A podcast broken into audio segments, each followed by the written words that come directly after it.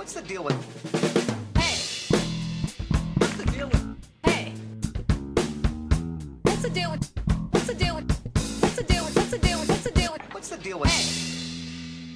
Da ønsker vi deg hjertelig velkommen til denne lille spin-off-episoden fra Crossover Gaming. Denne lille spalten som vi kaller for COG forklarer. Crossover Gaming forklarer. Det kan være en eh, episode der vi forklarer en spillserie. Det kan være at vi forklarer et fenomen i spill. Det kan være at vi forklarer hva Super Nintendo World i Japan er for noe. Det har vi jo gjort en gang tidligere.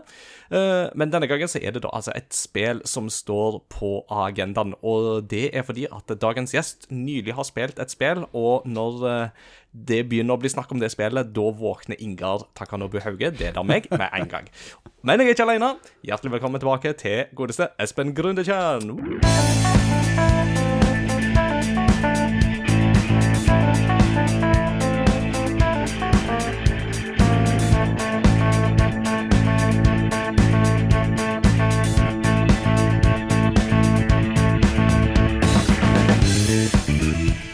Tusen takk. Så hyggelig. Dette var veldig kjekt å ha deg tilbake igjen. Nå er det jo eh, en liten stund siden sist, men nå er det jo gjest tredje gang på et år, eller noe sånt i hvert fall, så du har jo en høyere frequency enn de fleste. Ja, det er jo Jeg vet ikke hva jeg skal si. Jeg syns rett og slett det er hyggelig. Det, ja, det mm. Ja, og du har jo, og du har jo vært i full sving eh, siden sist. Nå, du, mm, For deg som jo ikke har hørt eh, hovedepisoden der du var med, så lager du jo blant annet litt sånn spillcovere på YouTube. Eh, Og da Ja. har du jo tidligere stort sett vært med deg sjøl, men denne gangen så har du jo klinka til med et eh, fullt, eh, fullt band og spilt musikk fra Xenoblade, Xenoblade Chronicles 2. Stemmer. Torna, den der Kingdom of Torna, både både nattmelodien og dagmelodien, det var utrolig gøy, altså. For det, det er jo eh, en eh, jazzkvartettaktig med litt strykere som er original eh, lydspor der, så da måtte jeg jo hive eh, Hive innpå med med litt sånn ekstra, hva skal man si, eh, musikere, da. Jeg måtte jo ha kvintetten min med. For Ja. det er jo Jeg kan Du, ikke det gjøre det var alene. Mm, Du, det var skikkelig gildt. Mm, Musikerhjertet i meg blir varmt av, varm av å se sånne ting, og så får jeg så lyst til å havne i et eh, jammeband igjen. Eh, Det har jeg ikke gjort siden studietida, så det er litt sånn eh, glad nostalgi som velter over. Eh, Så det er bra. Nei, du er jo mm, Du, du er jo høyere fan av Xenoblade Chronicles 2 enn meg, tror jeg. Jeg vet ikke.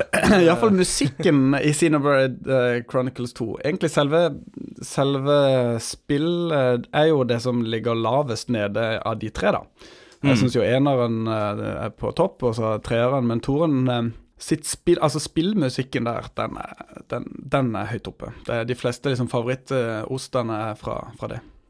Mm, ja, den er, den er upåklagelig, altså. Ingen tvil om det. Men du, det er ikke um, Xenoblade vi skal snakke om denne gangen. Det kan vi jo eventuelt gjøre når jeg er ferdig med Xenoblade Chronicles 3, som vi jo holder på med nå. Der Så hadde det vært gøy å tatt Z the, the Xenotalk. Uh, men uh, we must chronicle our Xenoblades. Nei da, men uh, det er en annen JRPG-serie som vi skal til. Vi skal nemlig til Persona 5. Så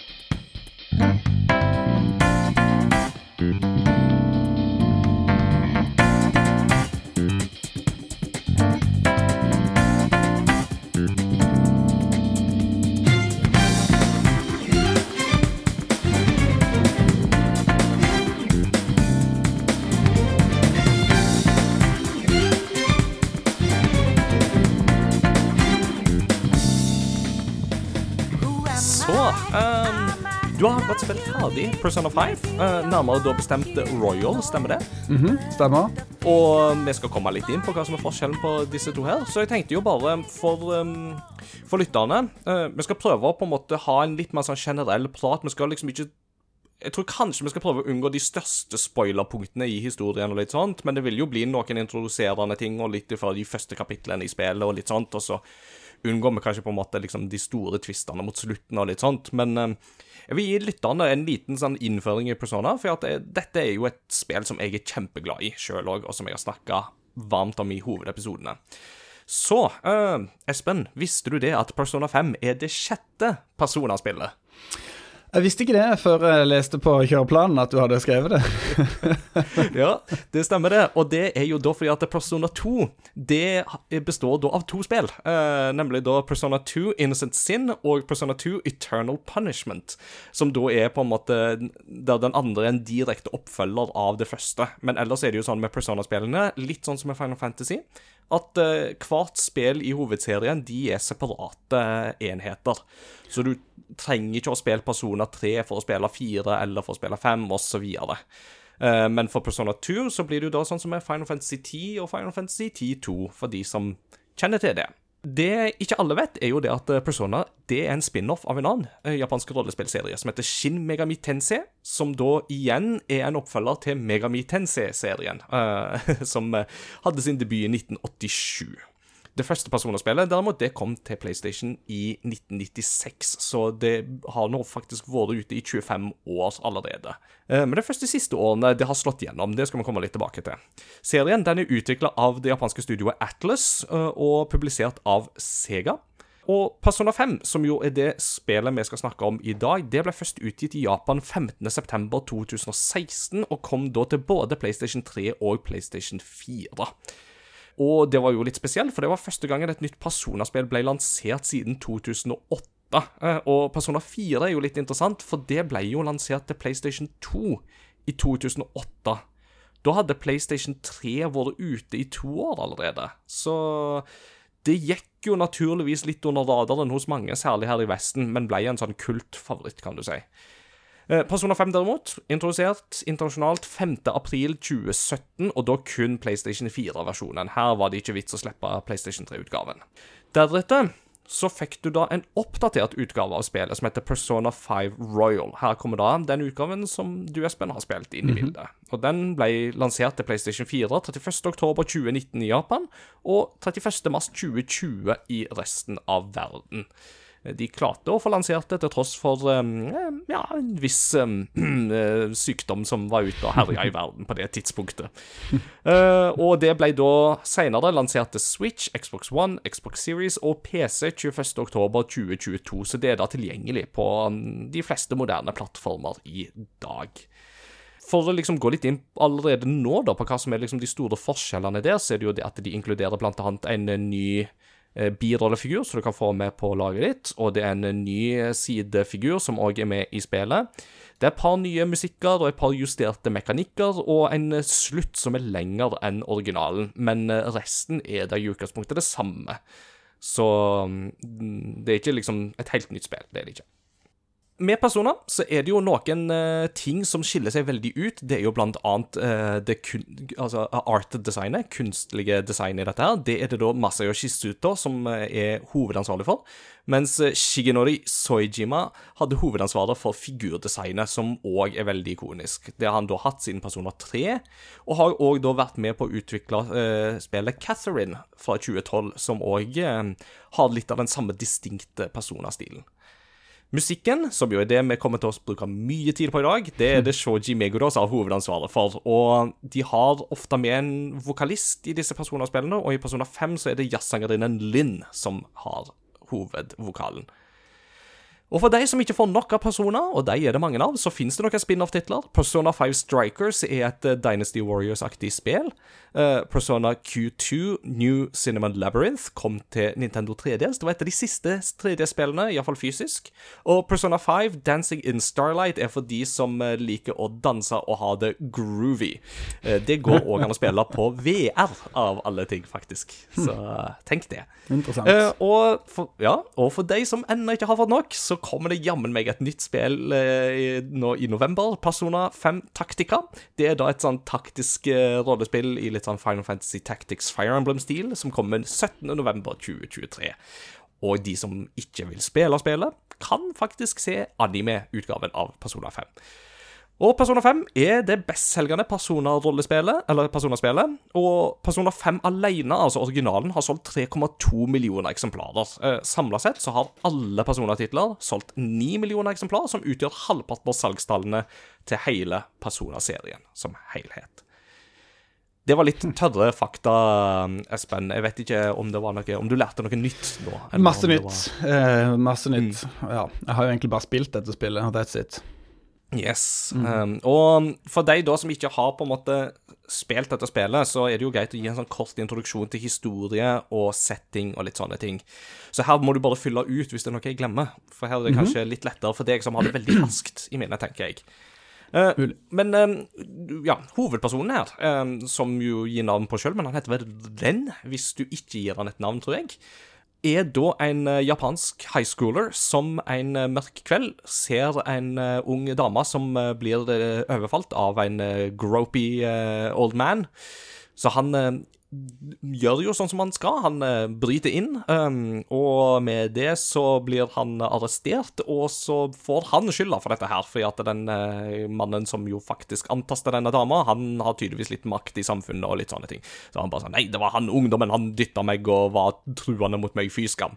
Så du blir dømt til ett år med Istedenfor ungdomsfengsel, så blir du sendt eh, til en fosterfar i Tokyo som eh, da driver en eh, kafé i Tokyo.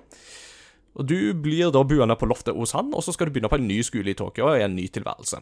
Og plutselig, når du er i Tokyo, så får du en mystisk app på telefonen din, og denne appen viser seg å være knytta til det såkalte metaverse, som da er type en parallell dimensjon som på mange måter er kobla til vår underbevissthet. Og i dette metaverset så får du en rolle som en joker. Eh, I dette metaverset så er det en eh, mystisk skikkelse som sier at du har noen mystiske krefter, og fordi disse tingene i Mye av symbolikken i disse spillene kobler opp til tarotkortene og sånt, så er du da en joker i dette her. Eh, og det betyr at du har muligheten til å få mange såkalte personer knytta til deg. Og personer det er jo da knytta til Carl Jung sin eh, tanke om at vi alle går med noen vi, vi, vi viser ikke vårt indre jeg nødvendigvis, at det er vårt vår ytre fasade, vårt indre jeg, det henger ikke alltid sammen. Så eh, du skjønner jo ikke nødvendigvis helt hva dette her går på, men du finner raskt ut at det fins noen mennesker ute i den virkelige verden som eh, misbruker sin makt. Og når de misbruker sin makt, så kan det oppstå såkalte palasser, såkalte parallelle hva skal si, forskansninger i dette metaverset. Eksempel på det er jo da den, det første palasset som du trenger inn i, det er da knytta til gymlæreren på denne skolen som du går på. For alle tror at denne gymlæreren er så fin og prektig, og han har jo vunnet OL-medaljer, og han skal få oss til prestisje. Men så viser det seg jo at eh, han trakasserer jo elevene. De mannlige elevene trakasserer han fysisk, og de kvinnelige trakasserer han seksuelt. Så da har han en, et palass i dette metaverset der han nærmest ser på denne skolen som sin borg, der han er kongen. Og i dette her så får du da eh, rollen som en phantom thief. Som da vil si at du kan trenge deg inn i dette palasset og stjele den skatten som er i sentrum av dette palasset. Eh, Det kan da være en gjenstand som er knytta mye emosjonell verdi til den skurken som eier dette palasset, og det er derfor eh, tanken om Phantom Thieves oppstår, for du entrer hva skal du si, underbevisstheten, og du skal stjele dette som eh, da tilhører de, We will take your heart, er jo da mottoet til disse Phantom Thieves. Og Jeg jo, sa jo om dette her med jungianisme og kaste masker, og det blir jo veldig konkret i dette spillet her, med at eh, du som hovedperson, når du er i dette metaverset, og du på mange måter våkner opp, så får du en slags maske på deg som de må rive av seg i en sånn veldig sånn blodig blodig affære. Eh, og det er jo veldig symbolsk knytta til at eh, utad så må du jo gjerne gå med maske med at eh, han Vår ungdom, han må jo være liksom prektig, fordi at eh, han har jo blitt uh, anklaga og må jo passe på at han ikke bryter loven igjen, men innad så er han jo bare sint og vil egentlig bare ødelegge establishementet, skulle jeg til å si. En av disse andre elevene, Anne, som jo er en av de første som blir med deg i Phantom Thieves, som blir seksuelt trakassert av han eh, gymlæreren, hun òg er jo sånn eh, alle forventer liksom at hun skal liksom bare være yndig og innordne seg, og kan jo ikke gå imot den store lærer, men innad i seg så er hun skikkelig sint på han for dette her som han gjør. Han utnytter jo henne, og til og med får jo ei av venninnene hennes til å nærmest prøve å ta sitt eget liv i dette her. Eh, og da er det jo dette med å kaste, eh, kaste maska igjen i, disse blodige affærene.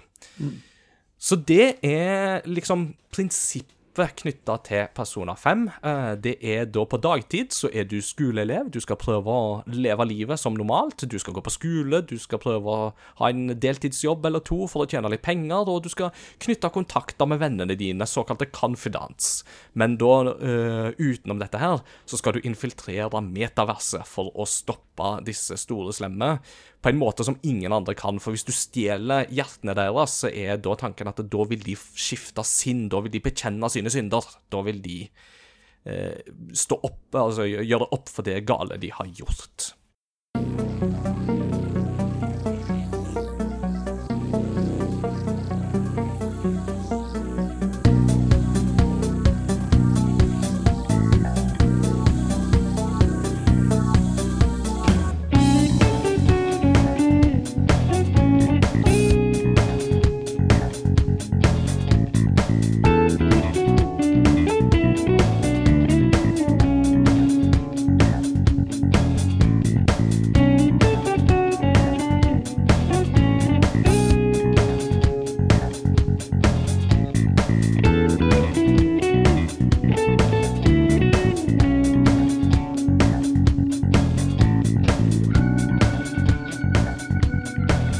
Det tror jeg er liksom det jeg vil si om Persona 5-historien, uten å liksom uh, avsløre for mye. Men uh, Espen eh, hva, hva er liksom din historie med spillet og serien fra før? Har du liksom hatt noe forhold til dette her før du plukka Persona 5, og hva var det som fikk deg til å plukke det opp?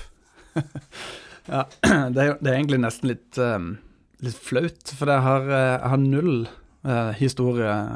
Ingen, ingen forhold til verken spillet eller spilleserien. Ikke Shin Megami Tensi heller har jeg hatt noe forhold til, så det er egentlig jeg, jeg, em, jeg gikk rett og slett på dette internettet som vi kjenner godt til. Og så mm. søkte jeg opp eh, eh, liksom anbefalte JRPGs, for da hadde jeg akkurat vært i en sånn JRPG-ride hvor jeg hadde spilt gjennom eh, Dragon Quest 1 og 2 og Dragon Quest 7 og Chrono Trigger. Mm, Så jeg hadde liksom vært i sånn skikkelig sånn um, JRPG uh, ja, periode i gaming. Rush. Rush, ja. Mm. Og så, eh, så tenkte jeg må, nå må jeg spille noe nytt. Og så, så gikk jeg rett og slett bare på internett, søkte opp eh, good eh, liksom anbefalte JRPGs, og da kom jo Mm. da Persona 5 nokså fort opp som et eh, forslag. Så Mm. eh, hørte jeg litt sånn eh, reviews uh, forskjellige uh, ja, personlige, eller hva heter det, private, men også IGN sine forskjellige reviews da, om, om Persona 5 og Shin Megami mm. og Tales of Arise og Uh, Jeg husker ikke det andre nå, men det var iallfall de. Jeg liksom så tenkte ja, jeg, da begynner jeg med Persona 5. Det, jeg fikk, jeg ble sånn, Den der grafikkstilen appellerte veldig til meg sånn umiddelbart. Så da Mm. tenkte jeg Og så var det salg på disk, så jeg kjøpte den um, fysiske Xbox-versjonen av Persona 5. Og der var vi i gang, rett og slett. Mm. Så det er liksom min Ja. bakgrunn. Det eneste bakgrunnen jeg har fra Shin Megami Tensei, er jo at min bror har spilt det, så jeg vet at det eksisterer, og det er det. Ja, Mm. ja, riktig, riktig. Eh, du er jo langt ifra den eneste som har liksom hoppa inn i personer med Persona 5. Det var jo, det med salgstallene var jo et åpenbart eh, eksempel på det, tenker mm. jeg. Og, så, som sagt, da, altså Persona 4 hadde det jo ikke så lett, fordi at Persona 4 ble jo i utgangspunktet gitt ut til PlayStation 2 på en periode der alle hadde gått over til PlayStation 3. Og Play, eh, Persona 4 fikk jo en eh, sånn oppdatert utgave den òg, Persona 4 Golden, og den ble jo gitt ut til PlayStation Vita, og den var det jo ingen utenom meg som hadde, eh, skal vi til å si. Det er jo ikke akkurat den konsollen som har solgt mest, iallfall. Eh, så det er klart at Persona-serien har nok alltid og altså Persona-serien har nok alltid lidd litt unna av å bli på en måte lansert til play, feil plattform til feil tid og litt sånne ting. Og kanskje òg på en måte de foregående spillene ble jo gjerne lansert eh, på en tid der japanske rollespill ikke solgte så mye, iallfall ikke her i Europa. Um, og Shin Megami Tensei har nok liksom enda mer slitt under det, kanskje pga. et navn som er vanskelig for å forstå Altså, du, du forstår ikke uten videre at det betyr reinkarnasjonen av gudinnen, eh, med mindre du kan japansk. Eh, og det er klart at det Ja. Men, eh, som, som, altså, men du nevnte jo et par andre gode spill der. Altså Tales of Arise er jo et veldig godt spill, det òg. Det kan jeg absolutt anbefale. Um, Ja, det var jo en sånn Ja.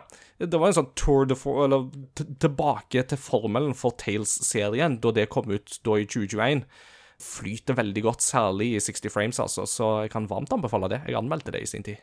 Ja, kult da å lese den, da. For den står på lista. Jeg har en sånn, en sånn planer for spill som jeg vil spille, og der, er- der står det. Mm.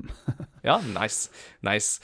Men eh, sånn for min del, da, altså Jeg hadde jo heller ikke noe forhold til personer før jeg spilte Persona 5. Eh, og det som jo fikk meg til å plukke det opp, var jo det at det fikk jo det fikk jo toppscorer over hele fjøla i 2017, da det kom ut, originalen. Og for en som jo er interessert i japanske rollespill og sånt, så er det jo klart at da var det jo en nysgjerrighet som ble trigga i meg. Og jeg likte på en måte litt det jeg så òg. Og så har jo min, um, min forlover har spilt Persona 3 tidligere. Så jeg, da jeg bodde i lag med han, så visste jeg liksom Hadde liksom sett noe av dette. Da hadde en liten sånn formening om hva det gikk i, og han skøyt jo veldig av det. Så det var sånn Ja, men altså, hvis han syns det er bra, så er det jo en sjanse for at jeg òg syns dette er bra. Så plukka jeg det jo opp, og så har jeg jo aldri sett meg tilbake siden. Altså, det er jo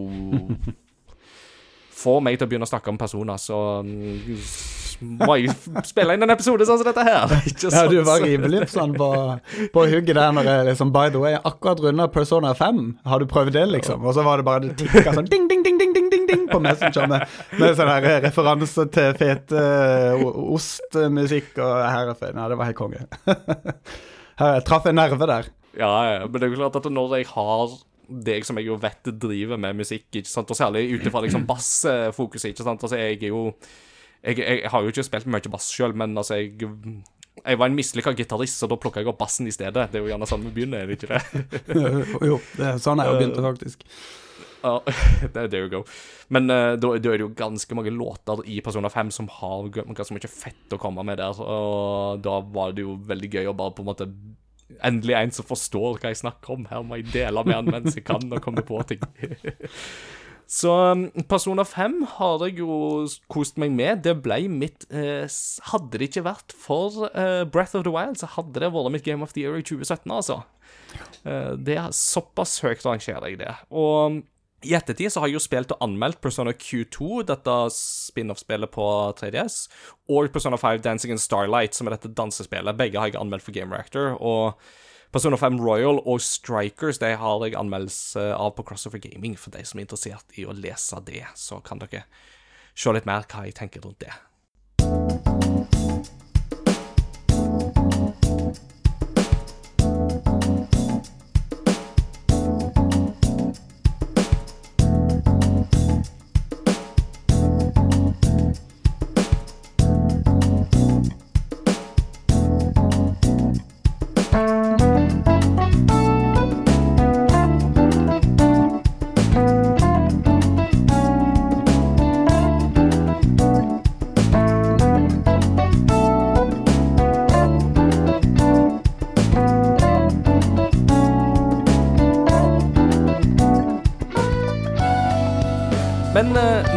Jeg at vi skal spille på en måte ordet litt fritt. Og da er det jo litt sånne ting som på en måte hvordan det er å spille dette her, og hva det ligner på, og hvordan skiller det seg ut fra andre spill i sjangeren, og hvordan det hevder seg i sjangeren og sånt. Eh, Du var jo inne på et punkt som er veldig eye-catching allerede fra begynnelsen av, og det var jo dette her med designet, ikke sant? Altså, bare menysystemet i seg sjøl i dette spillet her er jo en verdt en pris i, i seg sjøl, tenker jeg. Ja, helt klart. Jeg ble veldig sånn revet med umiddelbart av, alle, av eh, karakterdesign likte jeg veldig godt. Og så, så likte jeg likte det der eh, kontrastgreia. Det er jo sinnssyke kontraster. Um, og det eh, merker en jo også på Jeg spiller jo på plasma-TV, så det er liksom sånn, jeg må være litt forsiktig, for det brenner seg fast, disse her liksom Monday og datoene og sånn. Det brenner seg litt fast. Så anbefales egentlig ikke å spille på plasma, har jeg skjønt. Men, um, men veldig sånn appellerende, da. Så um, det, det liker jeg veldig godt, egentlig. Og så, så Jeg ser jo at det, det begynner å bli noen år sånn grafisk, men jeg liker også veldig godt det der um, mens dialogene, så er det jo en sånn eh, anime-tegning av, av karakterene. Som beveger seg på sånn japansk vis. Helt sånn Følger ikke lipsynking i det hele tatt. Men altså Men allikevel eh, det her, det, det, Den i kombinasjonen med grafikken syns jeg er veldig tøft, altså. Det er farverikt og Ja. Mm. Altså, noe av det som jeg jo liker veldig godt med hva skal jeg si, UI-designet her, da, og sånt, altså hvordan på en måte hele oppsettet er med tekstbobler og menysystem og alle disse tingene her, er det at det, det føles så hipt og urbant. Altså, det er jo som om noen på en måte har det litt sånn graffitiaktig graffiti-aktig eh, style over det hele. Altså, det er nesten liksom og Miles Morales fra Spider-Man Into the Spider-Verse har liksom gått litt løs med sprayboksene sine og på en måte tagga litt over rundt dette her. Noe som jo er veldig uvanlig i Japan. Altså, du, du finner jo liksom ikke tagging i Japan, men altså graffiti, den der urbane stilen der, det er jo noe som jeg på en måte føler catcher litt den her eh, storbyvibben, da, som du jo får i dette her. For det er jo et punkt som jo Persona 5 skiller seg ut, er jo det at det foregår jo i Tokyo, altså det foregår i storbyen, mens Persona 4 det var jo ute på landsbygda. Så det er jo en veldig sånn stark contrast akkurat der. Mm. Mens her så er det jo midt i Tokyo sentrum, og det som jo er veldig kult der, er det at Tokyo er så bra gjenskapt i dette spillet, syns jeg. Det, det er jo ikke et åpen verdensspill, altså det er jo veldig lukka områder du besøker, men du besøker jo sånne kjente steder som uh, Shibuya, eksempel. Og en del av disse stedene du er i, altså det er utrolig lett å kjenne seg igjen-. Altså har du gått rundt på denne togstasjonen i Shibuya i spillet, så kan du nesten kjenne deg igjen i tog, på togstasjonen in real life i Tokyo òg. Og sånn som det nabolaget der du bor òg, så er det sånn Det kunne liksom vært et helt normalt lite nabolag litt utenfor sentrum i Tokyo. og Veldig sånn Du ser at det er midt i en storby, men det er liksom litt lavere hus og sånt. altså I hermetegn bare seks-syv etasjer på det høyeste. Så det er ve ve veldig sånn kul stil som da kombineres med et veldig sterkt anime-uttrykk. Altså ikke altfor overdrevet, men veldig sånne klare streker, tydelige farger og en veldig sånn Igjen da så er det dette her det figurdesignet til um, til, til, til godeste Soijima, som, som roper veldig ut til deg som spiller, da. Det, det minner meg bitte lite grann av um, Altså en sånn japansk blanding av anime og det der gamle spillet som het 13. Ikke om du husker det, eller har spilt det. Men det var et sånt Jo, jo, jo, dette hadde Ubisoft-spillet. Yes. Ja, FPS-spillet som kommer fra Ubisoft. Stemmer det? Yes. Ja, Det har jo litt den der samme cell-shading-stilen, ikke sant? Mm, nettopp. Eh, så, så jeg, og det husker jeg jeg syntes var så sykt kult da det kom. Det var bare sånn What, er det mulig å ha den fete grafikken? Og, eh, så det, jeg ble litt sånn eh, Jeg ble litt solgt med en gang jeg fikk den assosiasjon, assosiasjonen, da. 13, oh nice, med med japansk eh, anime-stil, og, og, og veldig gøy med det der Tokyo som du har snakka om, egentlig. For jeg har jo aldri vært i Japan, og det har vært kjempegøy å, å besøke Tokyo. Det, her, det, er liksom, det er veldig høyt oppe på, på ønskelista mi. Um, Så jeg likte veldig godt den følelsen av å være i den byen. Det, må jeg, ja, det syns jeg var veldig tøft, altså. Um, så det var òg en sånn ting som jeg, jeg så litt sånn for meg. Jeg gleda meg til å liksom spille dette her og komme inn i, inn i byen, og ikke bare på sånne åpne, svære landskap som i Sinoblade, og- men at du var liksom litt mer sånn jordnær i en by. Det, det likte jeg veldig godt. Mm. Ja. Som, som sagt, det er nesten så du kan manøvrere i Shibuya i Tokyo etter at du har spilt Persona 5. Så for de som vil besøke Japan, og som vil på en måte få en litt sånn følelse av hvordan er særlig Tokyo, da, så er det jo to spillserier er, eller to spill som jeg kan anbefale. Det er Persona 5, og så er det Yakuza-serien. Eh, For Yakuza-serien gir jo òg en sånn veldig sånn utrolig god gjenskaping av på en måte konkret del av Tokyo. Innafor sin lukka, begrensede ramme så er det åpent, men det er likevel mye mer avgrensa enn f.eks. et GTA eller noe sånt, for eksempel. Så her får du mye mer begrensa, rammer, da. Og så en ting som um, jo jeg liker veldig godt i dette her, er jo det at um, på dagtid så er du jo en flittig og flink student. Uh, du skal jo Du må jo til og med pugge ting som jo lærerne sier, for det kommer jo tester uh, som du må svare på i dette spillet. Noen spørsmål som til tider er ganske obskure å svare på. Det var jo helt random. Så jeg hadde jo Jeg, jeg må innrømme akkurat på de der spørsmålene der, så så hadde jo jeg denne her eh, Altså, jeg hadde fasiten på mobilen. For det, jeg orka ikke å tenke så mye. Og så tenkte jeg sånn Hvis jeg svarer feil, så får jeg jo ikke intelligence. Så, så jeg har jo lyst på intelligence. Så, og jeg, Ja. jeg kan jo ikke begynne å le, studere i liksom studiebøkene om ting som Nettopp sånne obskure, eh, random greier. Så akkurat på det så hadde jeg liksom eh, Der hadde jeg fasiten oppe. Du, du er langt ifra den eneste som har vært i den situasjonen der. Og som du sier, intelligence er jo en For du har jo noen personlige egenskaper her som jo må på en måte styrkes for at du skal kunne knytte bånd til de andre i spillet og få, få på en måte Det er jo en stat growth eh, et stat growth-system i dette her. Eh, Og intelligence er jo da en av de. Men det er jo ikke alt som er liksom like obskurt. Det er jo sånn som for eksempel Persona 5 var jo det spillet som lærte meg at mens vi i Vesten har det gylne snitt som et sånn kunstnerisk på en måte hva skal du si da, estetisk uttrykk, så har man da det, altså, det, altså sølvsnittet innenfor asiatisk kunst. Eh, og at det muligens kan f.eks. være knytta til eh, øyenes posisjon i forhold til hverandre. På folk med asiatisk kroppsbygning kontra folk med vestlig kroppsbygning. Uh, og det var sånn som jeg bare sånn What? Er Dette er greier? Og så finner jeg ut at jo, det stemmer jo det. at Dette er jo faktisk helt uh, faktiske greier. Så du kan lære litt ting hvis du følger med. Ja, det, det er sant. det det jo- obskure ting, men uh, ja. Og det var jo faktisk noen av disse spørsmålene som jeg klarte også. eh, Som jeg kunne fra før, og noen som jeg klarte å tenke meg fram til. Så eh, det var, det var, jeg syns absolutt det var en gøy del av, av spillet, de, de greiene der. Men 80% av spørsmålene hadde jeg ikke snubbsjans. da har du ikke tålmodighet til å finne ut av det. Nei, nei, nei. Det, og, og særlig, jeg lurer på om det er i Persona 5 og ikke i Royal, så er det jo til med noen sånne spørsmål om hvordan, hvordan leser man den og den japanske kanji, for eksempel, og da er det bare sånn her How should I know? I can't read Japanese. ja, Nettopp.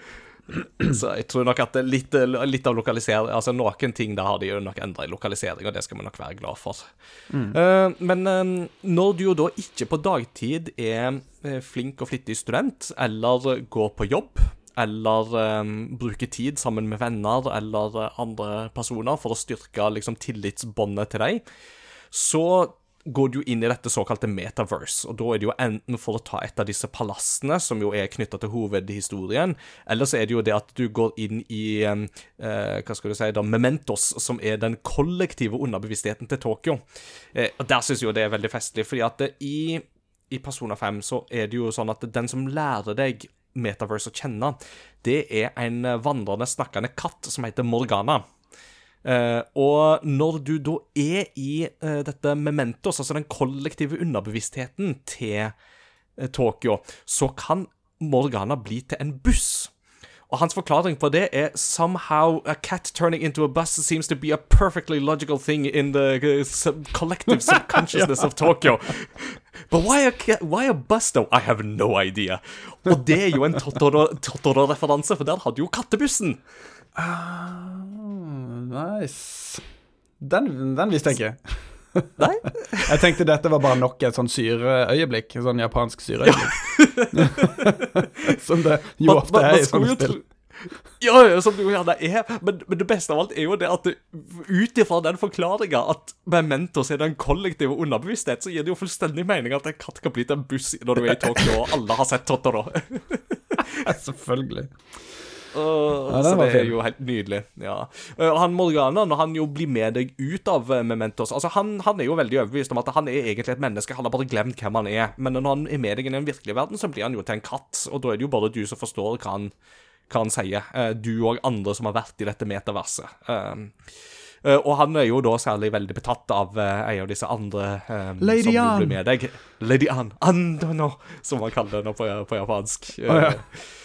Og så har du jo eh, Men så har du jo i tillegg til Morgana og Anne, så har du jo Duji, som jo er holdt på å si, din trofaste høyre hånd. Han er jo egentlig en litt sånn der eh, Ikke den som gjør det best på skolen nødvendigvis, og har jo i utgangspunktet gjort det bra med på en måte løping. Det har liksom vært hans eh, store idrettskarriere helt til han ble skada av denne gymlæreren, som eh, jo er liksom den første store bad guyen i dette spillet.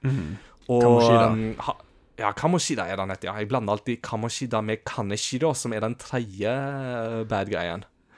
Så De går jo liksom i hverandre, disse navnene her. Så jeg synes jo Jeg har, jeg har navnene foran meg på PC-skjermen. For det, I veldig mange spill så klarer jeg å huske navn, men her er det jo bare japanske navn. Så, um, Ja, ikke sant. Ikke sant. Som er veldig gøy, da. Jeg liker det. Mm, det er jo det. Men, men jeg liker jo godt uh, Ryuji som figur, for det er jo liksom han, han får deg litt ned på jorda litt av og til. ikke sant? Altså, Han er liksom den som bare men Kan vi ikke bare gjøre det sånn? Så Han kan virke litt simpel, men han drar deg litt ned på jorda igjen òg, og har en litt sånn artig funksjon der. Um, Synes han, er, jeg jeg, han, han er jo en av mine favoritt-voice-sektorer her. Altså, Det er utrolig bra. Altså Generelt i all, alle er er gode voice-sektorer, men jeg syns han er så flink til å, å, å holde seg tro til karakteren, både dialogen, men også voice-sektoren, hele veien. Så er det, det er liksom du sier, litt sånn Litt sånn småsint og irritert på, på voksne som oppfører seg som drittsekker. Men så er han en sånn skikkelig mm. omsorgsfull person som bare vil godt om alt og, og hjelper alle. Og, så, vil bare ja, ta eh, seg av sin mor, ikke sant? så han burde alene med i en eh, litt liten Tokyo-leilighet et sted. Det er jo et dessverre et gjenkjennelig scenario. Uh, Mm. Du nevnte det med voice acting, men spilte du dette på japansk eller på engelsk? Nei, det var engelsk, ja. Jeg kan jo, jeg kan jo ikke japansk, jeg, vet du. Nei, men det, det kunne jo hende. Det vet jeg ikke. Eh, Jeg har ikke hørt dette så mye på, på engelsk, da, men jeg synes han, han som er Yuji på japansk, har en veldig sånn fantastisk sånn Hæ? Når han blir litt sånn What? Så, sånn fantastisk voice line der som bare er gullende fin, altså. Uh. Nettopp. Eh, det er jo på, eh, på engelsk så er jo det Åh, nei, det sitter helt stille. Men den, den Det kommer. Det kommer. Den, Ja. Jeg vet hva du mener, for han har en sånn en. det kommer. Ja da. Og så har du jo um, uh, Anne, um, Taka, Takamari Anne, uh, som jo da er um, halvt japansk og halvt um, vestlig. Det er liksom alt vi får vite. Vi får vel ikke vite noe spesifikt uh, liksom, land hun kommer fra. Eh, og så er, er det jo da um, eh, Yusuke. som du etter hvert blir kjent med, som er en uh, kunststudent. Veldig sånn uh, kunstgeni og veldig, holdt jeg på å si litt, så, litt fjern, kan vi vel kanskje si. Altså, han eh, holdt på å si, tenker liksom bare på kunsten, og har liksom ikke alle sosiale koder inne nødvendigvis. Eh, veldig sånn merkelig figur der. Og så har du jo da eh, Den engelske voice acting her er jo veldig sånn der poetisk, og du skal tenke så, så vakkert og estetisk om alt. Så han, han minner meg bitte, bitte litt om Elvis, voice, actor, voice actoren i Sinoblade 1. Litt den der eh, Hvis du ser for deg den. veldig mm. Å, det, alt, er så, alt er så vakkert, på en måte, når han snakker. mm, Ja, ja, ja. Og så har du jo da Makoto, som eh, er mm, studentrådsleder på denne skolen. Og så har du um, Futaba, som eh, da er, viser seg å være dattera til Sojiro, som jo er din eh, fosterfar i dette. Sojiro er jo en eh, gammel holdt på å si, gubbe. Ikke så gammel, men altså en sånn 50 pluss-gubbe med liksom fippskjegg og briller som eh, står i denne lille kafeen sin og lager veldig god curry til deg.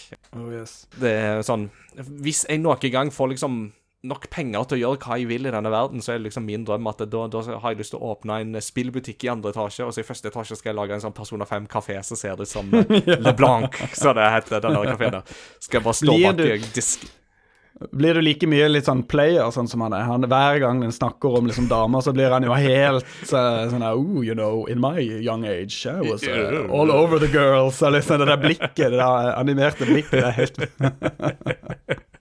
Nei, jeg Skal ikke bli sånn helt der, men, eh, ja, men eh, hvis eh, folk noen gang skal Men, men du, du skal jo selvsagt få kaffe og curry, det er det som står på menyen der. Og når folk da lurer på Ja, hva slags kaffe er det du har, da? Let me explain! Ja. så. Så noe har jeg fått med meg fra den engelske dubben, da. Det, det har jeg. Eh, og um, ja, og, så- er det jo flere rollefigurer som kommer til i denne, denne casten her, men dette er jo noen av de liksom mest sentrale i dette. Og noe av det som kanskje har på en måte den største appellen med Persona 5, er jo det at disse rollefigurene føles veldig troverdige på sitt vis. Vet ikke, hva, hva tenker du om det? Jo, jeg syns alle har hver sin personlighet eh, som, eh, som de er tro til gjennom hele, hele spillserien. Og det er jo 100 timer med mainstory her. Og det er vanvittig mye dialog. Og jeg har dysleksi, så dette er jo rekord. Jeg tror ikke jeg har lest så mye i mitt liv. Eh, for det er jo ikke alt som Ja, ikke sant, trengs nesten applaus. Det er jo ikke alt som er voice-acta, eh, så, så det blir mye lesing. Eh, men, men alt av dialog er utrolig bra skrevet og veldig sånn tro til karakteren. Så. Og de er så ulike også, så du lærer de veldig å kjenne og blir, får liksom sånn litt bond. Du får litt confidence, rett og slett, med, med disse her eh, karakterene. Det er veldig gøy. Du nevnte jo Ja, men- Eller det er jo også hun der Haru. Eh, Som Ja. er en av de hovedkarakterene. Hun er jo- en spesiell, eh, litt sånn forsiktig, typisk eh, high pitch voice når hun snakker. Mm. Ja. Og hun er jo veldig interessant. Altså, alle disse her har jo på en måte sine ting, ikke sant. Med at uh, Makoto, hun studentrådslederen, hun har jo dette her veldig flink pike-syndromet, er jo veldig knytta til henne. Altså, alle har veldig forventninger om at hun skal være eh, av top of her class, og hun skal på en måte gjøre ting skikkelig som studentrådsleder, og da skal hun gjøre som hun blir fortalt, og alle sånne ting som det. Ikke minst fordi at storesøstera hennes er jo veldig stort og høyt ettertrakta altså aktor eh, i det japanske rettsvesenet. Hun er jo til og med den aktoren som får på mange måter i oppdrag å prøve å jakte ned de såkalte Phantom Thieves, som jo begynner å få et renommé i dette universet her. Eh, Men så har du jo da sånn som Haru, for eksempel, også, som jo er en sånn rikmannsdatter, og da tenker man jo veldig ikke sant, at hun, ja, hun, hva har hun med oss alle menn er dødelige å gjøre, og hun har vel ingen problemer, og så viser det seg jo at eh, hun er jo egentlig i et uh, arrangert forhold som hun egentlig ikke ønsker å være i, og faren ønsker jo rett og slett egentlig å gifte henne vekk til noen andre, uh, av eh, basically nesten holdt på å si, økonomiske årsaker, så føles det jo nesten som, ikke sant? Altså, dette En med sånn business? Sånn, business.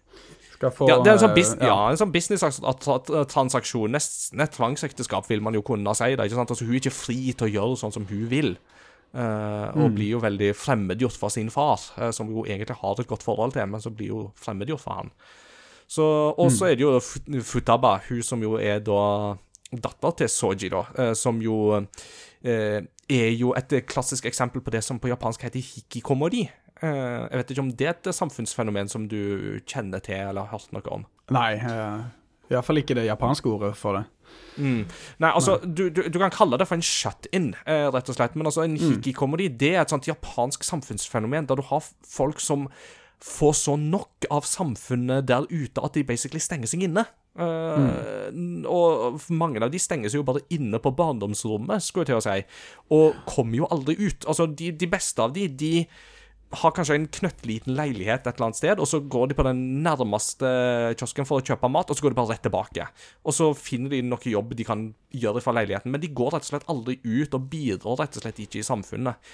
Men for de verste, sånn som da Futaba er i dette tilfellet, så beveger de seg ikke ut av huset i det hele tatt, og er veldig avhengig av folk, folk rundt. Og for Futaba så er jo det knytta til barndomstraume som eh, føles veldig på en måte igjen, da, det er noe med på en måte troverdigheten innafor de premissene som historien setter, som jeg syns treffer usedvanlig godt til å være et japansk rollespill i dette her. Åh, jeg er helt enig. Og alle, både den trauma der og den starten som du også snakker om, den uh, seansen med hovedkarakteren. Alle liksom Alle de, de som du tror kanskje er sånne sidehistorier eller små eh, ja, små enkelthistorier, har jo, de er jo connecta inn på en utrolig intelligent måte inn i hovedhistorien. Uh, og det, så det er utrolig tøft, altså. Mm. Uh, og for de som vil ha en uh, veldig bra anime knytta til denne hikikomori-problematikken, altså denne shut-in-problematikken, så anbefaler jeg varmt en serie fra 2000-tallet som heter Welcome to the NHK. Welcome to the NHK. Det er kanskje det er en av de animer som har truffet meg best. eh, særlig fordi at jeg, jeg følte liksom litt som da jeg så den serien på det tidspunktet, at eh, da jeg kanskje ikke holdt på å si, var på et godt sted, og sånt, så var jo det en sånn serie som jeg på en måte så og så traff at eh, altså, under visse vilkår så kunne dette nesten vært meg. Altså, Jeg skjønner så utrolig godt liksom de som bare får så nok av alt rundt av forventningspress og arbeidspress og det å liksom aldri passe inn og hele tida måtte liksom både føle seg rar og ikke inkludert og sånt, og at det plutselig bare sånn Nei, men da går jeg ikke ut, da bare er jeg inne. Altså, her er det trygt, her er det godt å være, liksom. Sosial kontakt, det, det trenger man ikke. Utrolig sterk serie, veldig bra, uh, så den kan, den kan anbefales. Men så det en, um, men så er det en annen eh, serie som jeg òg vil touche litt innom her. Um, og det, jeg er nok litt i, jeg, jeg tror nok ikke du uten å holdt på å si, kjenne dine holdt på å si, preferanser for serier og filmer og sånt, men det er ikke så mange i Norge som kjenner til anime-serien Lupin the Third. Eh, eh, sier det navnet deg noe? Nei, altså Egentlig så har jeg ikke sett så mye på anime. Altså, Det eneste jeg har fullført en full anime-serie, det er den der uh, Cyber Punkoro, holdt jeg på å si. Cyberpunk-serien. Ja. Ed eh, Edge Runners, ja. Ja, det er egentlig det eneste jeg har sett, uh, i, uh, sett fra A til Å. Eller så Ja. Eller, og, og den Dragon Quest-filmen. Men, uh, men ikke så mye anime, egentlig. Nei, nei, skjønner. Eh, fordi at um, i, i, Japan så det, det, er jo noen serier som har vært på en måte en del av på en måte i hermetegn allmennkulturen ganske lenge eh, i Japan. Altså, Studio Ghibli sine filmer er jo et godt eksempel på dette her, ikke sant? Altså Med min nabo Totoro og, og sånne ting. Og Dragon Ball har jo på en måte blitt en del av den kollektive bevisstheten at det er litt sånn folk kjenner igjen Dragon Ball, selv om de ikke aner hva det er for noe. Eh, mm. Litt blant annet av designet til Akira Toriyama, ikke sant? Altså Det er et veldig sånn mm. ikonisk design som stikker seg veldig ut. Eh, og en annen sånn serie, det er Lupin the Third, eller Rupan Sanse, som han heter på japansk.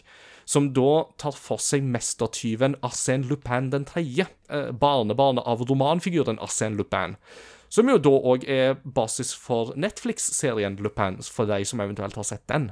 Og det som jo er veldig gøy, er at det er veldig mye å kjenne igjen fra Lupin the Third-serien. Både knytta til på en måte tematikk, men òg i forhold til character design. Altså for eksempel Soji, da. Han eh, eh kaféeieren han som eier LeBlanc. Mm. Han kun, altså Hadde du putta en hatt på han, en stor sånn uh, Stetson-hatt på han, så hadde han vært kliss lik Lupin the Thirds uh, håndlanger, revolvermannen Jiggin. Uh, for det er det samme skjegget, litt den samme attituden, og liksom Det er sånn eh, Jeg skal ta og vise deg holdt på å si sammenligninger etterpå, men det er sånn når du ser de litt sånn side om side, så ser du de jo kliss like. Uh, men, men, han Sojiro har jo noen ganger på seg en sånn hatt når han skal ut på date.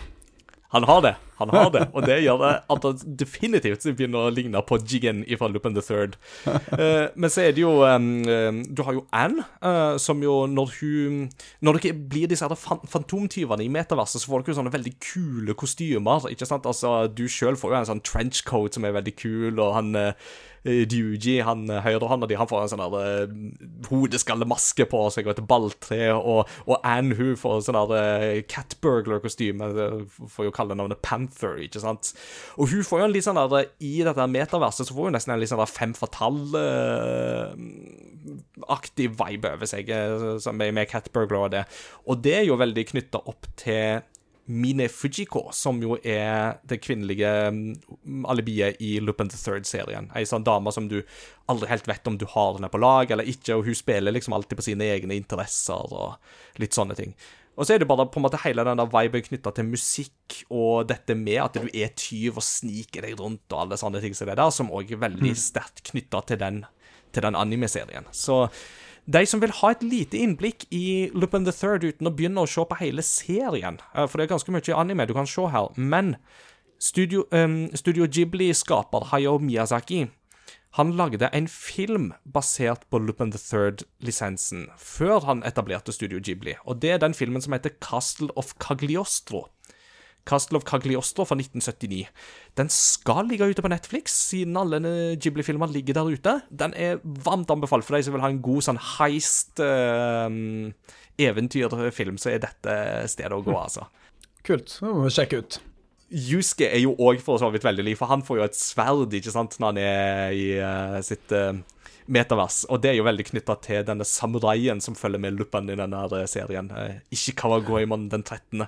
Nettopp, ja. ja. det er jo samuraisværen her, Yuski. Det er jo det. Åssen er det med hun der Haru, da? For hun, det er et av de designene i metaverset som, er- som jeg, jeg syns er sånn horribelt. Jeg syns den ser så helt sinnssykt corny ut. Den der eh, Hva er det sånn der eh, Matador-greia hun har? Det, helt, alle er liksom Ja. dritkule og så skikkelig bra, så kommer det der eh, random Matador. Ja, hun er jo The Flower Thief, ikke sant? Hun er ikke bare The Phantom Thief, men hun er The Flower Thief, ikke sant? Flower- Nei, eh, den har ikke noe sånn direkte kobling til akkurat det. Da tenker jeg kanskje mer at det kunne vært noe sånn knytta til jeg vet ikke, Carmen Santiago eller noe sånt noe, ikke sant? Altså, da snakker vi om mer andre, andre animasjonsunivers. Men um, for eh, nå, La oss snakke litt kampsystem inni dette her. For at vi har jo snakka mye på en måte rundt spillet, men altså eh, Alle kampene foregår jo i dette metaverset, der du jo sniker i dette palasset. Og da er det jo sånn at eh, fiendene går jo i utgangspunktet rundt omkring og eh, ser seg om, ikke sant? Og så må du prøve å gjemme deg. Du kan gjemme deg rundt hjørner og bak hjørner og sånt, og så kan du da snikangripe de bakifra, og da trigges det en kamp, eller så kan du bare angripe de rett eh, framenifra. Og da er jo alle kampene i dette her er jo turbaserte, altså 100% turbaserte, akkurat som i Dragon Quest. Men det er jo samtidig veldig sånn aktivt og levende system, så jeg vet ikke, for deg som har spilt mye Dragon Quest, og for så vidt Xenoblade, som er mye mer actionprega, hva syns du om systemet i Persona? Jeg syns det var kjempegøy. Eh, Jeg likte det veldig godt. Um, for min del så ble det en sånn next level Pokémon-stil over det. Eh, med Spesielt det med at du har disse personer som, som du kan eh, velge å styre og bruke som du vil underveis. Nei, altså, jeg, jeg, lik- det var- jeg syns det er veldig sånn kontant. Når du trykker på ting, så skjer ting med en gang. Det er ikke sånn masse loading. Det er noen sånne cutscenes, men, men du kan liksom skippe hvis, det, hvis du ønsker det. Men, men egentlig så er jo cutscenene så fete at eh, jeg vil jo alltid se dem, for jeg syns det, det er så utrolig kult eh, animert. Men, eh, men det er veldig sånn kontant. Og så liker jeg veldig godt weakness-systemet.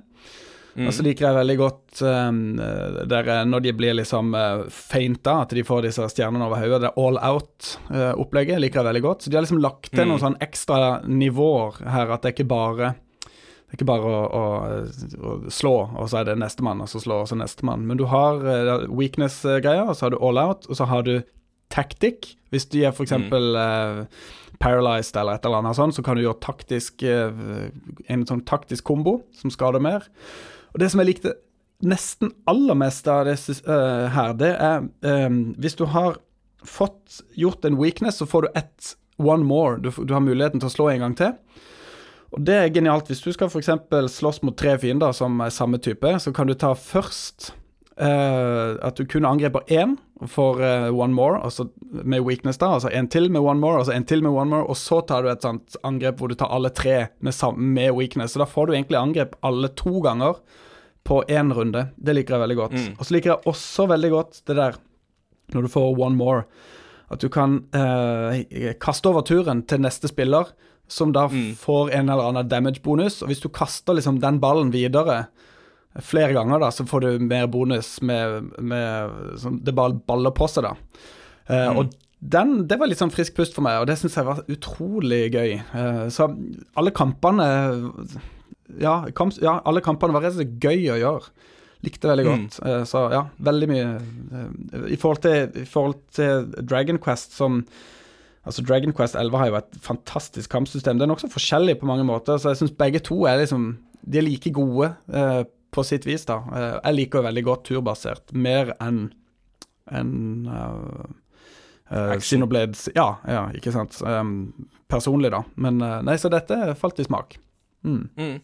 Og det, det er jo noe med det der som du sier, ikke sant? Altså Den måten du kan på en måte bygge ting videre på altså Det ene angrepet kan bygge videre på det andre, og ved å utnytte svakheter. Og så har du dette touch- touch-systemet med at du leverer batongen videre til neste, skulle jeg til å si. ikke sant? Og det med da at du får disse damage boostene og sånt. altså Dette er jo et sånt min-maxing-spill så til de grader.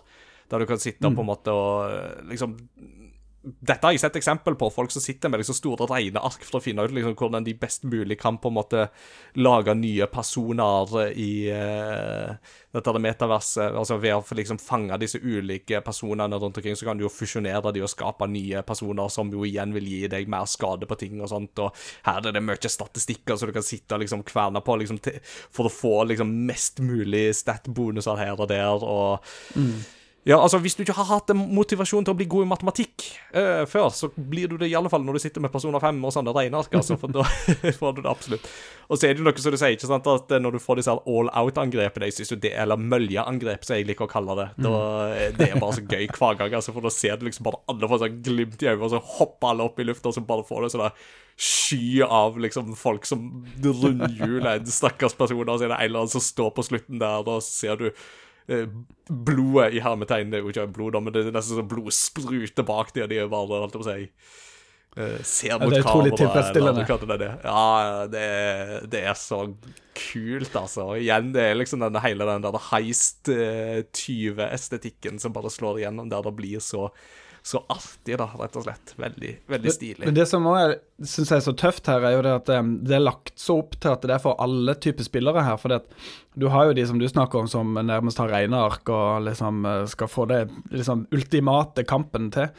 Eh, men jeg er nok ikke helt på det nivået sjøl. Jeg er nok litt mer sånn at eh, jeg tester ut litt der, og så det litt, var det litt tilfeldig kanskje hvilke personer jeg hadde i den kampen, og litt sånn. Eh, Men allikevel så Jeg spilte på normal, da, første runde. Nå er jeg jo i gang med New Game Plus, og nå har jeg på Hva er det for noe? Extreme eller et eller annet sånt. Det hardeste vanskelighetsgraden. Det er nokså lett i starten uansett, men tenkte jeg skulle prøve det. Men iallfall, fall, så selv på normal, da, så, så kan du allikevel bruke alle disse eh, disse kampsystemteknikkene og rekkefølgene og weakness og alt det, og, og det er tilfredsstillende. Så, eh, så det er en veldig sånn fin eh, For jeg, jeg husker jeg litt sånn Jeg blir ofte litt sånn skremt. Altså, hvis noen selger et spill til meg om at de sier du kan gjøre alt i dette spillet, så blir jeg liksom åh, det stresser meg litt. Jeg liker når jeg får liksom trygge rammer, og jeg liker når eh, det at dette spillet er så lineært som det er, det syns jeg er helt fantastisk. For jeg blir liksom guida gjennom 100 timer med bare vakker uh, opplevelse. Så jeg liker liksom sånn Det trenger ikke å være sånn masse, masse muligheter. Det er ikke nødvendigvis kvalitet for meg. Nei, uh, nei så- jeg er veldig så- enig i det. Ja, men så det er så fint her òg, liksom, at uh, du kan nå spille det uten å bry deg så fryktelig mye om alle de der nerde-tingene. Men det er også for nerdsene, liksom. Så det mm. syns jeg er nice. Hmm. Så det, her er det liksom Ja, det er liksom det. Altså, Persona 5 er jo langt på vei Altså, jeg har ikke spilt så veldig mange Persona 5 Persona-spill ellers. Altså, jeg har spilt Persona 4 Golden, har jeg jo spilt i ettertid. Jeg har jo hatt et håp om å begynne på Persona 3 òg, men nå er det jo en remake på vei, så nå bare venter jeg egentlig bare på den, jeg, rett og slett. Eh, men det er jo litt Altså, jeg føler jo absolutt at det er tilgjengelig, dette spillet her, for du får jo stort sett tingene forklart, og det blir ikke sånn at eh, du får ikke overveldende mange ting eh, lempa på deg, liksom. Og veldig mye av dette handler jo egentlig bare om på en måte Som sagt, da, altså det å lære seg å studere fiendene, og du vil jo, etter hvert som du kjemper mot dem, så vil du jo lære hva svakhetene deres er, og da handler det jo om å utnytte de svakhetene i størst mulig grad. Eh, så gjør, klarer du det, så er jo dette temmelig overkommelig, altså. Som du sier, det å få ting på en måte veldig rett fram gjør jo ikke noe så lenge det du får, er, er kvalitet. Absolutt. Og det som jeg også liker veldig godt her i kampsystemet, er at du har, du har menyer for, for så mye informasjon som, som gjør, gir liksom quality of life. ikke sant? Du kan du, Når du trykker på left uh, trigger eller bumper, eller hva, hva, hva det er for noe, ikke sant? så får du med en gang inn en meny med den fienden du har, og hvilke svakheter de har. Og, så du, du trenger ikke å huske alt. Du har det tilgjengelig der. Og hvis, hvis til og med at du trenger ikke inn på menyen engang, for det står sånn weak med svære bokstaver på fienden hvis du har en skill som, som er god mot den. Så det er liksom alle de tingene gjør at det blir så utrolig behagelig. Og ikke minst den derre right trigger. Um, at han finner automatisk i ditt store persona-arkiv en persona som har en magi som er, som har, uh, som er effektiv da, mot, eller som fienden har weakness for. Så velger du det med en gang. Så, så det er så sinnssykt. Så Når du begynner å bli vant til knapp, knappene her, så er det så kontant, og det går så fort, og du kan Det, det er helt sånn der Jeg trykker på alle knappene, liksom. boom, og så er du ferdig å spille. Eller ferdig med kampen, for det, det er så effektivt. Så Ja. eh, veldig sånn quality of life og bra gameplay, på en måte. Mm. Og det er mange av de der Quality of Life-forbedringene som jo kom med Royal, som jo gjør absolutt Royal til den foretrukne, det foretrukne alternativet å spille i dette her. Mm. det kan jeg absolutt eh, si, altså. Ja, og så det en, en ting til som eh, En, en bonusting her som jeg ikke vil snakke om. Jeg husker ikke helt hva det heter nå i farta, men det der er greia som når det er to av, partymedlemmene dine som har, finner sånn obskur eh, teknikk for et eller annet sånn kampsystem de blir enige om i the real world. Altså, skal, dette må vi teste ut, og så er det noe sånn den ene lager kaffe, den andre har en blomsterbukett og putter tar ut en pistol av den. Altså Det er helt sånn random. Og den Eh, og det er jo sånt uh, super-attack, da, sånn combo-attack med de to, som skader mm. veldig mye, og som bare plutselig kommer. Og den, den følelsen, da, når, eh, når de liksom roper opp og avbryter kampen og bare Yeah, no, it's time for us to do uh, this trick, you know. Uh, og den cutscenen der og hele pakka, det er bare så tilfredsstillende, altså. Så um, åh. ja. Det, det, det er cutscenes du ikke skipper, for å si det sånn. Yes, de skippes ikke. De skal nytes. Da legger da er kontroll ned. Tar du en liten sipp med et eller annet godt i glasset, akkurat da er det perfekt tid. ja, deilig. Uh, det er helt nydelig. En viktig del av uh, personeropplevelsen er jo dette her med relasjoner knytta til figurer. Både de figurene du har i partiet ditt, men det er jo òg andre bifigurer rundt omkring i Tokyo som du kan bli kjent med og lære deg skills. Altså, En ting er jo det for eksempel at det er jo en eh, avdanka politiker, for eksempel, som står ved Shibuya stasjon og prøver å ha sånne politiske taler, og da kan du opprette på en måte en relasjon til han, sånn at du blir flinkere til å forhandle med disse monstrene i Metavers, for eksempel. Eh, eller du kan eh, oppsøke ei sånn spåkone som sitter i en annen eh, bydel, som eh, lærer deg liksom eh, noen ting. Eller du kan gå til ei som sitter i ei kirke og spiller shogi, altså japansk sjakk, og da lærer du deg liksom sånne taktiske finesser og sånne ting. Um, og alle de tingene der er jo vel og bra, men en sentral del av dette er confidence-systemet, som jo er disse her relasjonene som du da bygger, er jo det at du kan jo òg få noen romantiske forhold uh, ut av dette her. Og da er vi jo kommet til det viktigste spørsmålet i hele denne podkasten, Espen. Hvem skal man romanse i uh, Persona 5? Og Hvem er best girl? Eh, og vi må jo si da, her er, kan du jo bare spille som en heterofil mannlig figur, så da er det best girl som er problemstillingen. Men hvem er best girl i dette her? Jeg føler meg litt som han eh, som er en Sojiro nå, for at, eh, jeg, føler meg litt sånn player. For her er det mange Det, er den første, det første romanseforholdet var jo An. Uh, Ja, ta, hva heter hun for noe? Takamaki. Tak, nei, Takamaki, ja. Jo, Takamaki. Det var hun første. Eh, Så eh, det er jo på en måte Det legges jo litt opp til at det er hun fra starten, egentlig. Det er liksom det første cutscenen du ser, er jo at uh, han Joker får dette her uh, siklefjeset når han ser henne liksom står der. Så det legges jo litt opp til det, da. Så det er jo eh, Jeg anbefaler jo å, å gjøre det. eh, Men så anbefaler jeg å gjøre det med alle, egentlig. Det er veldig gøy, for det er en veldig gøy seanse på slutten som er morsom. Hvis, hvis, du, hvis du prøver deg på alle, så får du en gøyal opplevelse. Det, la oss si at um, det, det blir litt sånn The Witcher 3-style over det. Men, Litt sånn, ja. eh, litt mer stuereint, kanskje, men eh, litt i samme gate. Ja. Jo, altså, jeg ser poenget ditt, men du tar feil. Eh, det må jeg bare si. For eh, det er Makoto er best girl. Det, det er det ingen tvil om. Det er Makoto kommer med motorsykkelen sin og bruker knyttnevene sine for å rundhjule alle motstandere, i tillegg til at hun er smarteste i klassen. Så Makoto best girl, eh, rett og slett. Eh, det vil si, egentlig er det vel storesøster Sae som er best girl, men hun kan jo ikke romanser, og det er jo den eneste feilen i dette spillet her. er jo det at eh, du kan ikke Men du kan jo romanse med Kakawaki, er det ikke det hun heter? Altså læreren. Kawakami? Kawakami heter Kakawa. Læreren. Og det er jo litt awkward, men veldig gøy. Ja, og, og, dette er jo litt sånne interessante greier. ikke sant? For at Hun tjener jo da tydeligvis ikke godt nok som lærer, så hun må da rett og slett ha en bijobb på si, og det er for et eller annet sånn der obskurt maid service. eh, som da rett og slett at du ringer, og så får du en som kommer i maid-kostyme til å gjøre det rent i huset for deg. Ikke noe suspekt med det whatsoever. Nei, nei, nei.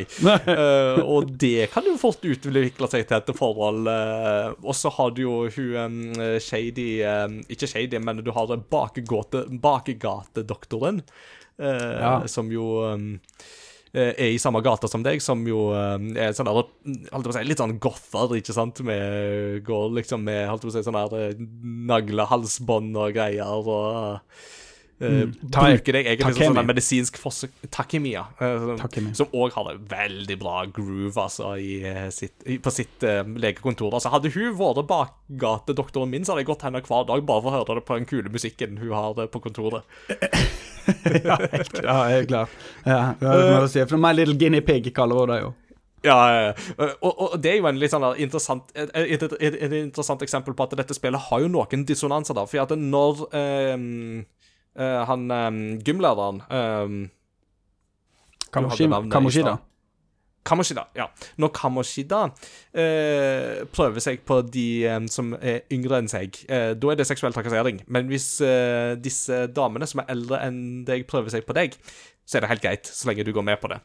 Eh, så det er en sånn der Og særlig da, dette her med læreren føles jo ikke helt greit, ikke sant? Altså, det er liksom det, det er noen ting Altså, du kan på en måte diskutere litt uh, etikken i og den slags ting, ikke sant? Men samtidig, det er jo noe helt annet med Hva skal vi si, da Igjen, da, holdt jeg på å si, gjensidige forhold med samtykke er noe helt annet enn uh, uh, asymmetriske maktforhold og seksuell trakassering. Så de, de, de klarer å lande sånn tålegreit greit på disse tingene her, da, selv om det, er litt sånn eh, det, det er noen av de som du bare sitter og tenker «Øh, Er dette her egentlig greit eller ikke? Så det, det er jo sånn, da. Men det, det er jo litt morsomt med alle disse her eh, eh, relationships her. For dette, du får jo noen sånne øyeblikk hvor du, hvor du kan velge hvem du skal henge med, da. Hvem du skal ha et sånt mm. romantisk øyeblikk med. Og, eh, og eh, på slutten så er det jo òg et sånt et øyeblikk, da. Så jeg har jo da måtte, jeg har jo en sånn save eh, rett før eh, hvor du kan velge dette. Så jeg har jo da gått tilbake igjen og så starta på nytt for å liksom oppleve alle, eh, alle sine øyeblikk. da. Jeg har lyst til å, se, jeg har lyst til å få med meg alt.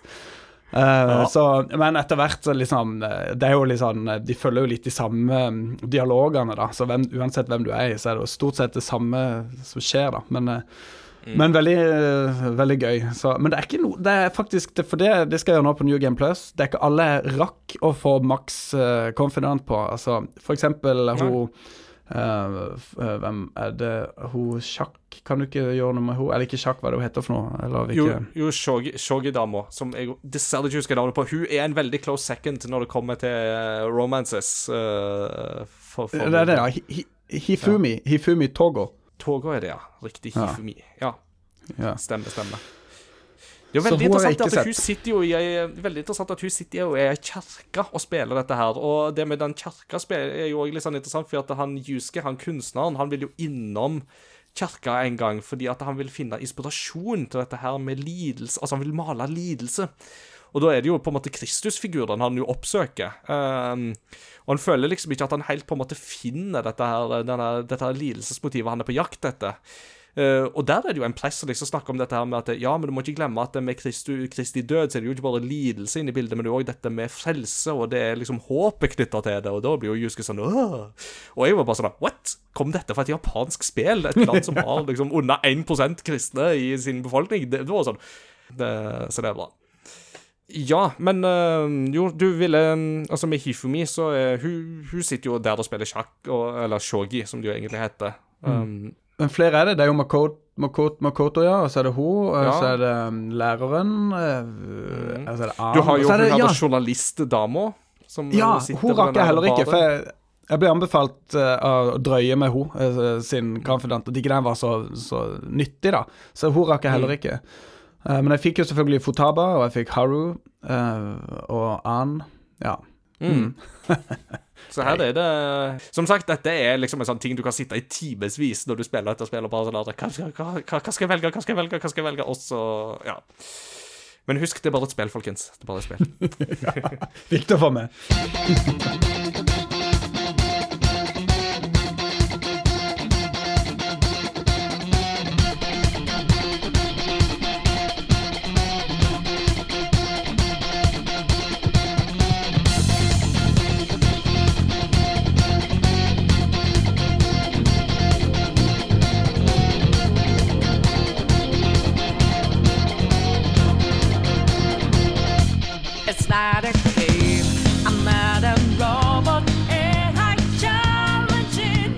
Vi, kommet til den viktigste biten i dette her. Um, og det er jo kanskje den biten som jeg mistenker på en måte er det som appellerer aller, aller mest til oss, og det er musikken i Persona 5. Uh, dette er jo et kapittel i seg sjøl, og da er det liksom hva, hva for noen spor er det som har på en måte utpekt seg her? Jeg- Vi kommer jo til å prøve å spille av noen spor underveis eh, i, når jeg mikser denne episoden, men hva, hva er noen sånne låter og situasjoner som du vil trekke fram? Ja. Jeg har jo laga en, en spilleliste på YouTube hvor jeg har 15 av de 180 ostene som er i dette i Royal-versjonen, da. Eh, så jeg, jeg vet ikke om jeg gidder å ramse opp alle 15, men, uh, men jeg har jo noen uh, favoritter, eh, eh, og det er faktisk den um, Beneath the Mask. Den syns jeg er helt sinnssykt fet. Og det som er så nice, er at den hører du jo hele tida, sånn at den blir aldri lei. Eh, den, spesielt den versjonen hvor uh, hun synger hun, Er det ikke Lynn? Var det Lynn hun het? Mm. Det er jo helt fantastisk. Det er så kult. Uh, og så liker jeg veldig godt uh, den Wake Me Up, Get Up, uh, Get Out There. Get out there. Mm, den er veldig bra. Det er jo en full, um, en full låt, egentlig, det. Så det er jo ikke bare Mm. en sånn ting som loopes i evigheter, men det er komplett låt. Så liker jeg veldig godt eh, Layer Cake, som er den, um, den Yes. soundtracken som er der du kjøper modellvåpner. Helt fantastisk sak. Og det er jo så gøy, fordi det, du kjøper jo bare modellvåpen.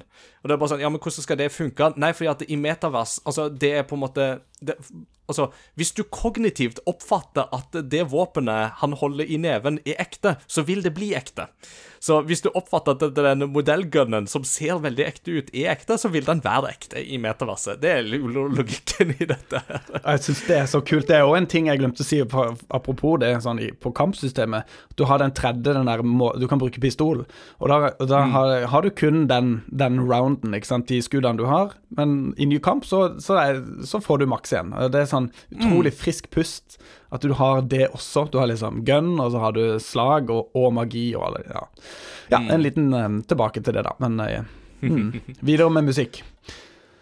Eh, Jeg har et par favoritter til som jeg må bare si, og det er jo Tokyo Daylight.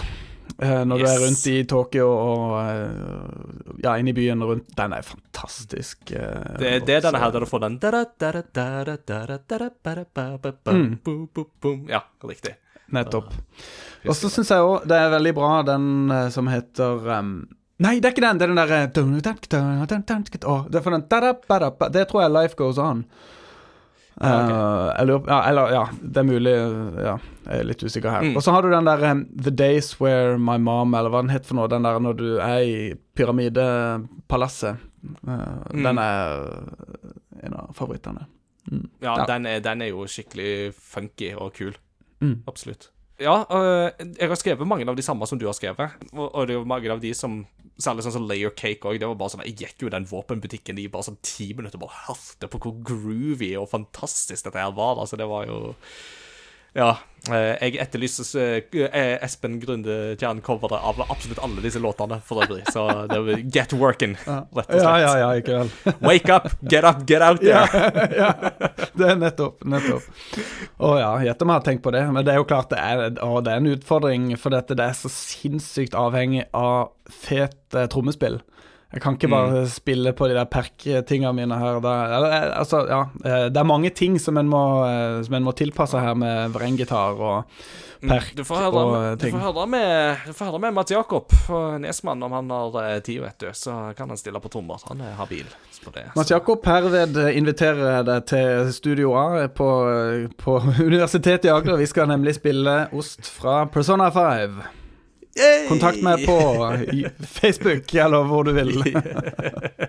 Eller inne på vår Discord. Dere er der begge to, så yeah. Um, Price er jo en sånn som jeg jo vil nevne, og som jeg jo er sinnssykt glad i. Altså, Det er jo den som du får når du sniker i, den tre, i det tredje palasset til en som heter Kaneshiro. Uh, fun fact om akkurat det. Navnet Kaneshiro betyr jo bokstavelig talt Money Castle. Eh, og det er jo basically det han har som sitt palass, for han har jo en stor bank som svever over liksom Tokyo i metaverset.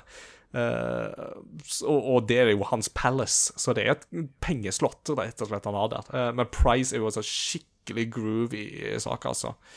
Uh, og så var det jo den Life Goes On, som vi var inne på i stad. Life Will Change er jo en som er jo bare Den, den har jo hatt ringetone nå i to kanskje? Jeg vet ikke. Det er jo den som du får på en måte på øra når du liksom eh, er på en måte i på en måte klimakset. Det er når eh, liksom eh, du har infiltrert palasset. Du har funnet veien inn til palassets sentrum, der denne skatten du skal stjele, er. Og så har du gjort eh, denne skurken bevisst på at eh, noe som er de veldig kjært, vil bli stjålet. For da vil den, det objektet manifestere seg i me- metaverset. Det vil ikke bare være på en måte sånn svevende sky, det vil faktisk manifestere seg som tingen, sånn at det kan bli stjålet. Og når du da går inn i metaverset, så får du en sånn der eh, utrolig fet låt med en sånn gitar som ligger der Kommer Lynn inn på vokalen, og det, det, det er så funky, altså. Herlighet. Den er, på, den er på, på spillelista, ja. Definitivt. Ja, ja når, når du er i vanlig kamp, så er det jo forskjellige sanger, ut ifra om du spiller Persona 5 eller Persona 5 Royal. Uh, I vanlige femmen så er det en som heter Last Surprise, som er på en måte kul nok. Har en veldig sånn mm. kul blåserekke som kommer inn på begynnelsen der med badabadam, badabadam, bam, bam, badadadam, dadadadam. Mens uh, i Persona 5 Royal så er den bytta ut med Take Over, som er mye mer, mye mer på, mye mer funky, vil jeg vel kanskje beskrive den som. Eh, Mer sånn soul-funk som er veldig sånn in your face, og som egentlig, vil jeg si, kanskje er bedre som låt. Uh, og så er det um, kanskje min favorittlåt fra spillet. Det er jo den som heter River, 'Rivers in the Desert', som jo da er ifra når du kjemper mot en av disse absolutte store skurkene eh, i dette spillet, mot, altså ganske seint i spillet. Eh, I beste JRPG-stil så har jo han flere trinn. Altså, det er jo ingen JRPG-siste skurk som har bare ett lag. Det er bare sånn Å, nei, you killed me. Haha, just kidding. I have two more levels. så, men, men, men den òg er jo bare sånn der eh, Grooven i det rett og slett bare fantastisk. Og har det òg en sånn tekst eh, i seg som eh, Har det noe sånn der eh, det, det er jo mye holdt på å si, symbolikk knytta til mytologi og religion og den slags type ting i disse spillene her, og det finner du i denne teksten her òg. For det er mange som liksom har lurt litt på liksom den frasen 'Rivers in the Desert', hva det er. Men jeg har funnet fram til at det er jo et utsagn fra Jesaja, uh, der eh, det er vel kapittel 43, så er det en sånn frase som sier på engelsk da I am about to do a new thing. Now it springs forth. Do not perceive it? I will make a way in the wilderness and rivers in the desert. Så det er en sånn De knytter jo dette tingene opp imot mye mytologi og særlig jødisk-kristen tankegods, som er har, har en veldig stor plass i disse spillene og symbolikkene som brukes, som jo er spennende. Hm. Nå har vi holdt på en times tid, og det er Ja. mye gøy vi kan si om dette spillet. Men det viktigste spørsmålet er jo er spillet verdt å spille, Espen? Det føler jeg på en måte vi har svart eh, litt på uh, gjennom denne timen. Um, og uh, i og med at jeg ikke har ikke sant, Veldig mange spill jeg spiller, uh, har jeg hatt et forhold til med historie bak spillene, men dette her spillet her har jeg ikke hatt noe forhold til. Jeg, dette, jeg ble introdusert for dette spillet nå bare for noen, noen måneder siden. Og likevel så har jeg spilt eh, 100 timer med, én en playthrough, og nå er jeg i gang allerede med New Game Plus og skal kjøre på igjen. For det, jeg oppdaget nemlig at third semester var noe jeg kunne få- Noe jeg kunne uh, unlocke som jeg ikke har spilt. Du, du har ikke spilt third Nei. semester? Nei, man, jeg gjorde feil. Jeg har gjort feil. så, Å, eh, man, da har du mye godt. Ja, så det, det lukter litt sånn 200 timer pluss her på dette spillet. Så Ja. Om det er verdt å spille, svaret er jo ja. det, det, er jo, det, det er jo så gøy, for at det, det jo Espen snakker om her Altså Det er jo et helt ekstra semester. Altså I Japan så er jo skoleåret delt inn i tre semestre. Og i Persona 5 Royal så er det jo et helt tredje semester som er lagt til, som ikke var i grunnspillet. Så det jo du har spilt, det er jo Persona 5-opplevelsen, men du har jo ikke fått Persona 5 Royal-opplevelsen, rett og slett. så nettopp, her ja. er det enda mye til gode, da. Det Nei, så innså jeg da hmm, etter hvert. Så, eh, og ikke minst av så er det verdt å spille, jeg, må bare si det også, av musikken. For det er liksom tre ting som er litt spesielle med akkurat den musikken. Vi har jo ramset opp en del, en del eksempler på låter. Men det er tre ting, føler jeg, som er spesielt Som skiller seg litt ut her fra veldig mye annen type spillmusikk. Og det ene er jo det åpenbare, som du hører med en gang, altså grooven. Det er en spesiell groove, Uh, bass, det er mye sånn melodi, bass. Det er vel, bass er veldig langt framme i her, som selvfølgelig kommer uh, mitt hjerte nært. Uh, og så det er liksom den ene grooven er helt det er dritfett. Dritfette groover. Og den andre tingen, det er at eh, det er rett og slett sinnssykt flinke musikere som spiller. Så det er ikke bare låtene som er bra, men det er så bra utøving. Det er helt rått. Eh, jeg har prøvd å spille noe av de tingene tinga her, og det er vanskelig, altså. Og det, det er ikke bare det at de klarer å spille det, men de, de får til å spille det med overskudd og med eh, time og med innlevelse, og det, det er helt rått.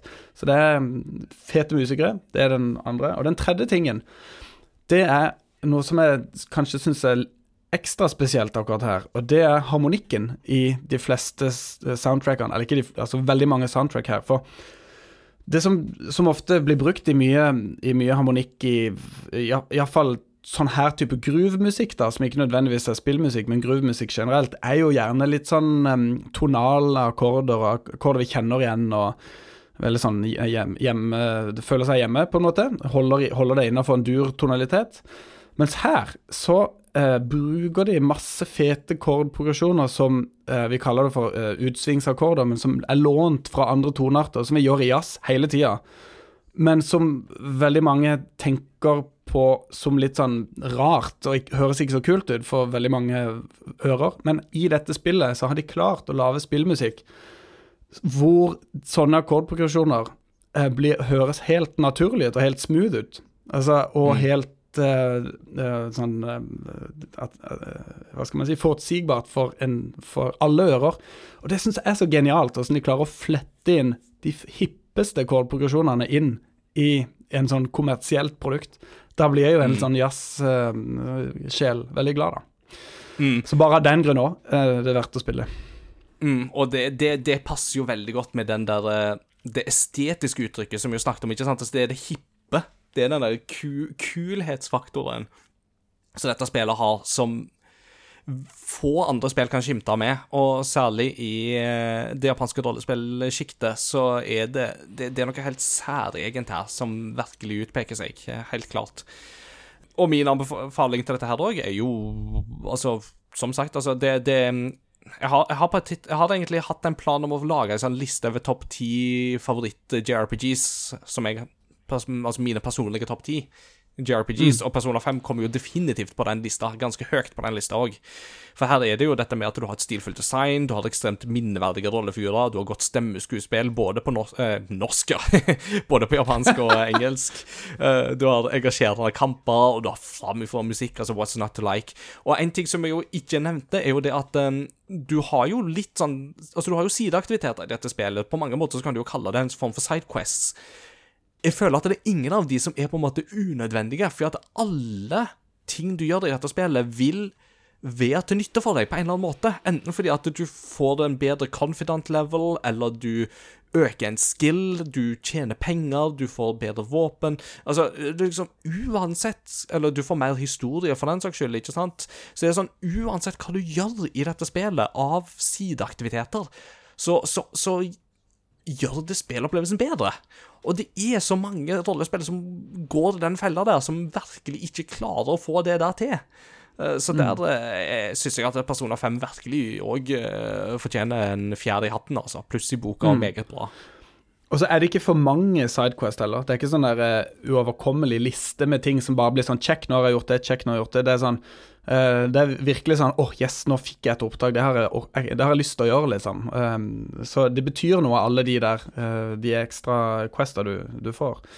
Jeg syns det er veldig fint. Det, det, eneste som jeg måtte jobbe litt med, da, for å si det sånn Nå har jeg jo skrytt dette spillet opp i skyene, men det eneste som jeg måtte jobbe litt med, som jeg fremdeles tenker um, kan være en utfordring for veldig mange. Um, og det er jo at jeg føler det er veldig sånn periodebasert uh, hva du gjør i dette spillet. Altså du kan, du kan spille flere timer hvor du kun er inne i et palass og ikke gjør noe annet. Og hvis du skal gå ut av palasset, så sløser du en dag på det, ikke sant. Sånn at du, du er veldig sånn låst til at nå er det det jeg gjør, og når du er ferdig i et palass, så er det plutselig mange dager hvor du går inn til Tokyo og bare nest, nesten ikke gjør uh, annet enn en sånn eh, confidence eller spille biljard eller eh, ikke sant, masse sånne, sånne ting, da. Og det kan gå timevis der, og så plutselig timevis inn i et palass.